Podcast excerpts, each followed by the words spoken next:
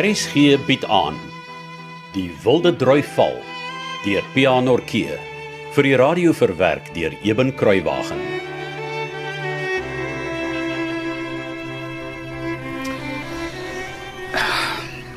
En toe juffrou Flossie, hoe verloop jou eerste skooldag van die jaar sover?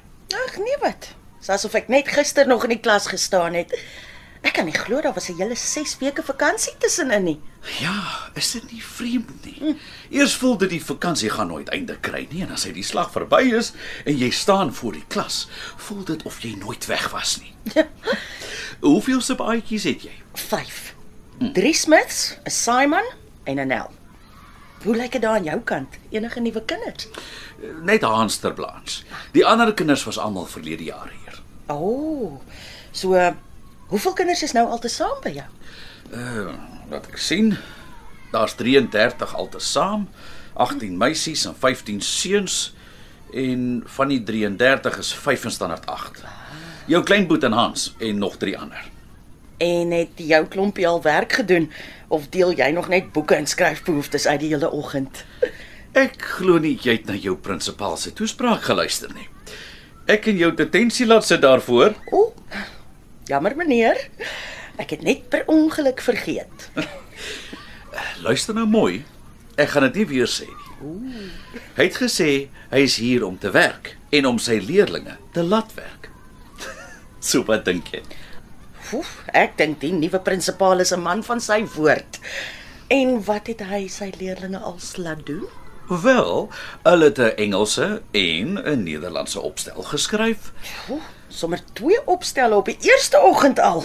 Leef die arme bloetjies nog? Mm, tot my spyt, ja. Gewoonlik werk my strategie.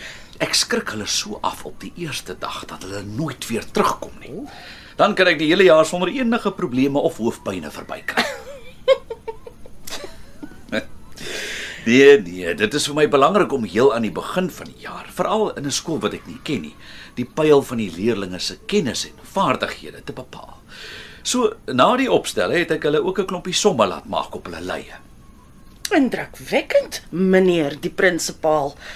En hoe lyk dit sover? Wel, dit is moeilik om te sê.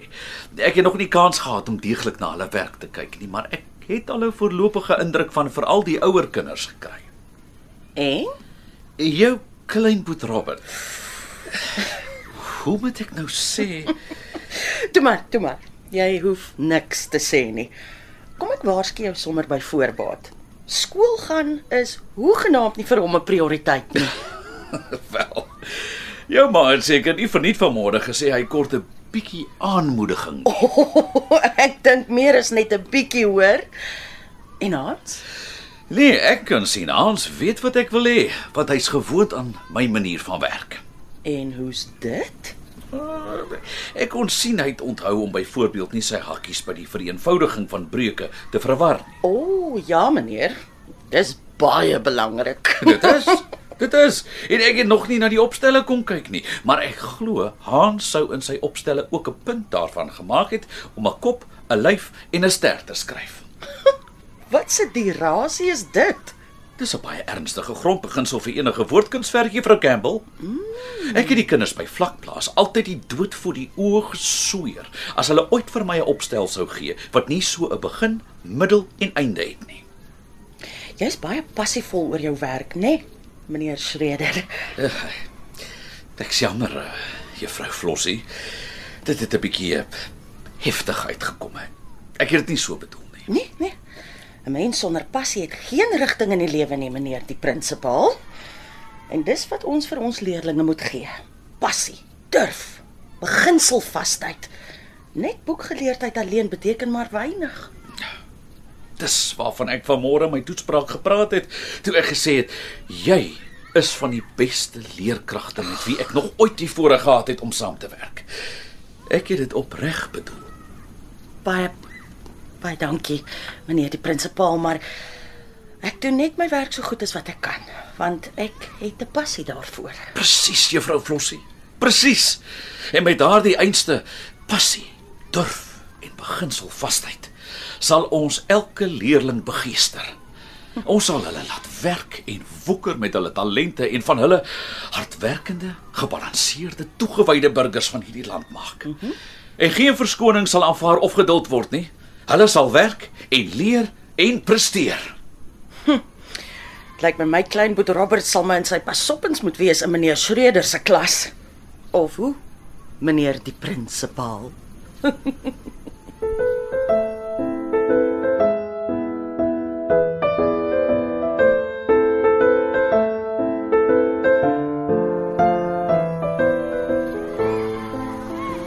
Hoe hier's jy? Ek soek die wêreld vol na jou.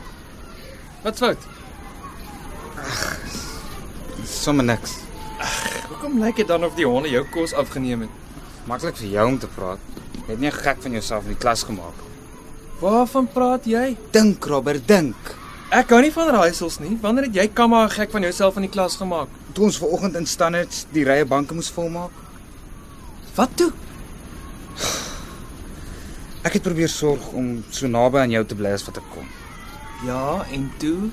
Toe land ek mos in die linkerkantste ry, tweede van voor af. So? Wat toe sit sy amper langs my, so in die volgende ry, langs die paadjie. Wie? Nonnie. Nonnie Smit. Ek dink dan jy dink sy's die mooiste meisie wat jy nog ooit gesien het. Hoekom ben jy naby haar sit? Het jy dalk gesien hoe sy vir my gekyk het? Nee, hoe? Sy het ver oggend uh, voor skool ook so na my gekyk. Ja, frek ou, hoe? Man, sy sy het so trek in haar oë. So asof sy my spot. O, en die hele klas het gesien hoe kyk sy vir jou, hè? Ek verstaan nie. Hoe het jy dan 'n gek van jouself gemaak? Dit was nie hoe sy vir my gekyk het nie. Dit was toe ek opgestaan het om heel agter in die klas teen die muur te gaan sit. Toe ou Kosie my teruggeroep het, net na ek op my nuwe plek gaan sit het. Ek het nie eens gehoor nie. Ek was besig om vir Roltwak iets te sê. Man, almal het gehoor hoe sê Kosie agter sy ou struktasie uit. "O oh, nee, Hans, wat's verkeerd met die bank waar jy gesit het? Kom terug en kom sit hier. Ons twee is mos darm nie vreemd vir mekaar nie." Al die meisiekinders het gelag. Ek sweer jy verbeel jou dit, Hans. Ek weet dan nie eens daarvan nie. Maar ek's bly jy sit daar reg agter my. Ek wou nog vir jou sê ek's bly jy kon so lekker naby my 'n bank kry. Ja. Dit is nog lekker, hè. En het jy gesien wie sit reg agter jou? ja. Beta Stroebel. ek het my amper doodgeskrik toe ek 'n slag omkyk en daar sit sy vir my en glimlag. jy moet baie lig loop vir daardie dik meisiekind met haar kroeskop. Kom. Ou Matie, as sy eers besluit het sy hou van jou, dan is dit klaar met keus. Moenie sê ek het jou nie gewaarsku nie. Maar wat wat doen sy? Sy los jou nie uit nie. Huh? Sy druk jou sommer voor almal vas en soen jou. Op jou bek nogal. En moenie dink jy kan loskom as sy jou eers gegryp het nie, hoor. Sy's so sterk soos 'n bees. Maar maar maar, maar wat moet ek doen om te keer dat sy van my hou? Nee, jong, dit kon niemand nog uitwerk nie. O, frek.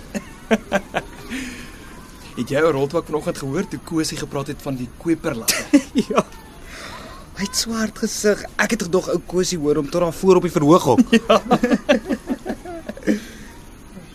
jy weet hy's ou Betta se broer, né? Ai. Ek het 2 en 2 nooit bymekaar getel nie, maar natuurlik. Oor sy regte naam Piet Stroebel is. Moes ek geweet het. en nou het ek aan dink hulle lyk nogal baie na mekaar. Arme ou Piet. Jy bedoel hy so baie soos sy suster lyk. Nee, ek dink maar aan die jare wat vir die arme ou voorlê. Hy sukkel maar om te leer. Ah, ek sien. Ja, ou Piet se eksamenpunte is die laaste paar jaar laer as hoeveel stopsels kerftabak hy met sy bamboespyp oprook.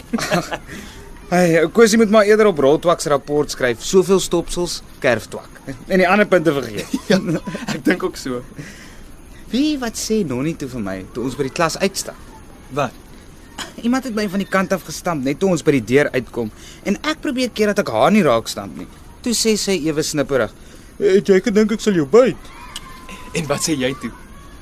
"Niks. Wat kon ek tog sê?"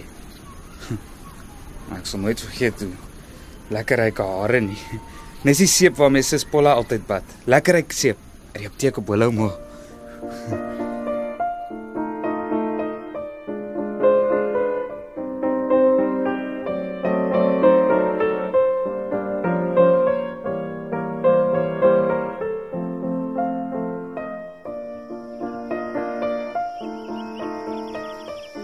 En toe, julle twee? Hoe was julle eerste dag van die skooljaar? Besig. En jy, Boet Robert? Ja, so so. Hoe was joune? O, oh, baie lekker. Ek is so bly die vakansie is uiteindelik verby. En die kyk Robert, Kan jy jou love aan die flossie? Was niks lekker aan skool nie. Ek hou van skool. Ja, maar jy's nooit reg in jou kop nie. Robert. 'n Mens praat nie so nie. Wat het jy vandag als moes doen, Flossie? Oeh, die eerste dag van die jaar is altyd nogal de mekaar, jong. Die kleintjies wat vir die eerste keer skool toe gaan, is omgekrap. Ek probeer troos en die res van die klas besig hou. En dan is daar nog leesboeke en somboeke en allerlei sulke goed wat uitgedeel moet word. Partykeer gaan dit maar woes daar in my klas. Nie so woes is in nou ko- uh, uh, uh, meneer Schreder se klas nie. Ooh. En wat moes julle doen? Behalwe sitplekke uitsoek, nuwe boeke kry en ginne gehap? Ginnegaap. My ou sussie, jy het in jou lewe nog nie iets gesien soos meneer Schreder nie. Hoe so? Ons het voor pouse op twee opstelle geskryf. Twee. Dis waar. Een in Hollands en een in Engels. Ja ja, en toe laat hy ons somme doen. Breuke, deelsomme, maalsomme. Dis om van mal te word. Klink vir my of julle nogal gaan werk vanjaar, né? Nee? Nee nee nee. Werk is nie die woord nie, ou sussie. Bloedsweet. Dis wat ons gaan doen. Bloedsweet is meneer Schreder se tweede naam. Ja, nee. Klink vir my die man is 'n monster. Was hy maar 'n monster. 'n Monster is nog 'n mooi ding. Maar meneer Schreder is So. Het jy al gedink wat jy wil doen as jy klaar is met die skool, Robert? boer. Net hier op pa se grond. En jy, Hans? Ek's nog nie so mooi seker nie. Ek sal ook al van hou om te boer as, as ek kan. Maar ja, ek sou graag iets soos 'n uh, onderwyser of 'n of 'n dokter of so wou word. O, oh, so jy het nog 'n lang pad om te stap voor jy kan sê jy's finaal klaar met die boeke, né? Nee? Ja, nee, dit lyk so. Maar ek dink nie mense kan ooit regtig van die boeke af wegkom nie. En hoekom nie? Nee, die dag as mense sê jy weet alles. Dis die dag wat hulle jou sommer kan begrawe. Mm. Want dan jy nie meer mens nie. Dan kon jy maar net so wel 'n aap ook gewees het. Dis baie goed om te hoor, Hans. Ek is heel trots op jou. Dankie Flossie. Ja, nee. Meneer die prinsipaal, jy so wys. Ek verstaan nou hoekom jy gesê het jy verwag groot dinge van hom. Hoe sê jy sis Oh, Flossie? nee, nee, nee. Ek dink sommer. Nou as julle vir my die valpapier en julle boeke bring, dan kan ek julle help om hulle ordentlik oor te trek sodat die prinsipaal darm iets het om mee tevrede te wees. Toe, wat sê julle? Harris gee se middag vervolgverhaal Die Wilde Drui Val deur Pia Norkee en wat gebaseer is op ware gebeure is in 1982 uitgegee deur Tafelberg Uitgewers. Die verhaal word in Kaapstad opgevoer onder regie van Joni Combrink en Cassie Louws, baartig die tegniese en akoestiese versorging.